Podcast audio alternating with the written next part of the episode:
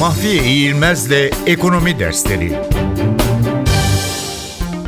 Verginin yansıması Verginin yansıması kanuni yükümlüsü tarafından ödenen verginin fiyat mekanizması aracılığıyla kısmen veya tamamen üçüncü kişilere aktarılmasıdır.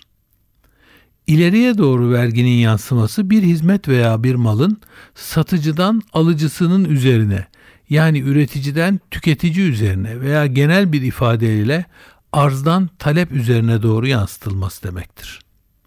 Katma değer vergisi her bir aşamada ödenen ve son aşamada tümüyle tüketiciye yansıtılan bir vergi türüdür. Bu ileriye doğru yansımanın bir örneğidir. Geriye doğru verginin yansımasında ise vergi mükellefi alıcıdır ve vergi alıcıdan satıcıya yani üreticiye doğru geriye yansıtılır. Mesela satışı zor olan bir gayrimenkul satışında katma değer vergisini ödemek istemeyen alıcı sadece fiyatı öderse satıcı katma değer vergisini kendisi üstlenmek zorunda kalabilir. Bu da geriye doğru yansımanın bir örneğidir.